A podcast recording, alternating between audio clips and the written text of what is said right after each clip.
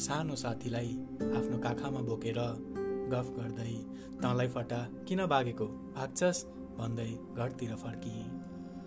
यस्तो प्यारो मलाई अहिलेसम्म कोही पनि लागेको थिएन। यसरी दोस्रो पटक गृह प्रवेश भएपछि चाहिँ सानो साथी फेरि भागेर कहिले गएन।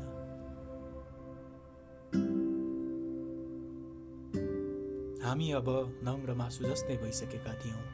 हाम्रो साथ साँच्चै गजबको थियो।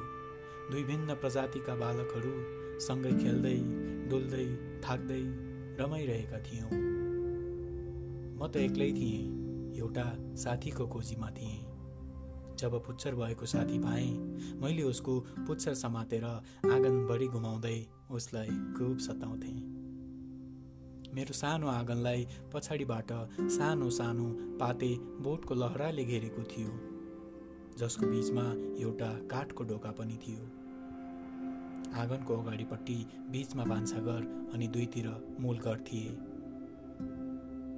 मैले मेरो साथीको नाम उसको अनुमति बिना नै सेरे भनेर राखिदिएँ। सायद त्यो नाम मैले पहिले कतै सुनेको हुनुपर्छ। सेरे भनेको सुन्ने बित्तिकै ऊ पनि खुसी हुँदै पुच्छर हल्लाउँदै मतिर आउँथ्यो। जब म स्कुल जान घर पछाडिबाट लगभग पन्ध्र बिसवटा बारीका कान्ला पार गरेर बाँसघारीसम्म पुग्थेँ। सेरे मेरो पछि पछि मेरो छाया बनेर आइरहेको हुन्थ्यो। र उसलाई त्यहाँ पुगेपछि हप्काउँदै सेरे घर जा! भनेर फिर्ता पठाउँथे र लुसुक्क परेर ऊ पनि फर्किन्थ्यो। बाँकी आधा बाटो गाउँको बस्ती हुँदै म स्कुलको आँगनसम्म पुग्थेँ।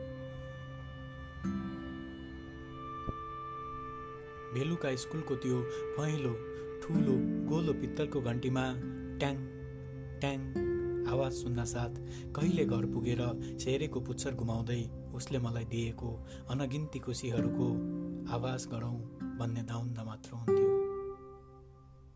घर पुग्न साथ गेटबाटै ब्याग फाल्दै ड्रेस फुकाल्दै सेरीलाई सुमसुमाउन पाएपछिको खुसी सायद म बयान पनि गर्न सक्दिनँ होला। बिदाको दिनमा भने बिहानदेखि नै म सेरेसँग खेल्थेँ। उसलाई भगाउँथेँ कहिले आफै भाग्थेँ।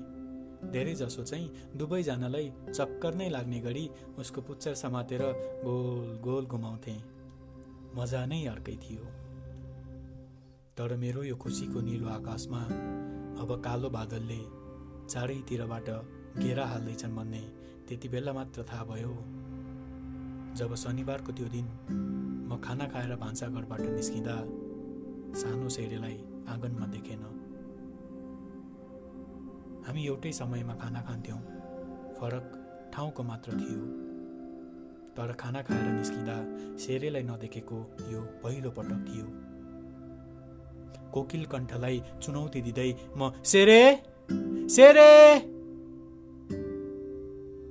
भन्दै कराउन थाले।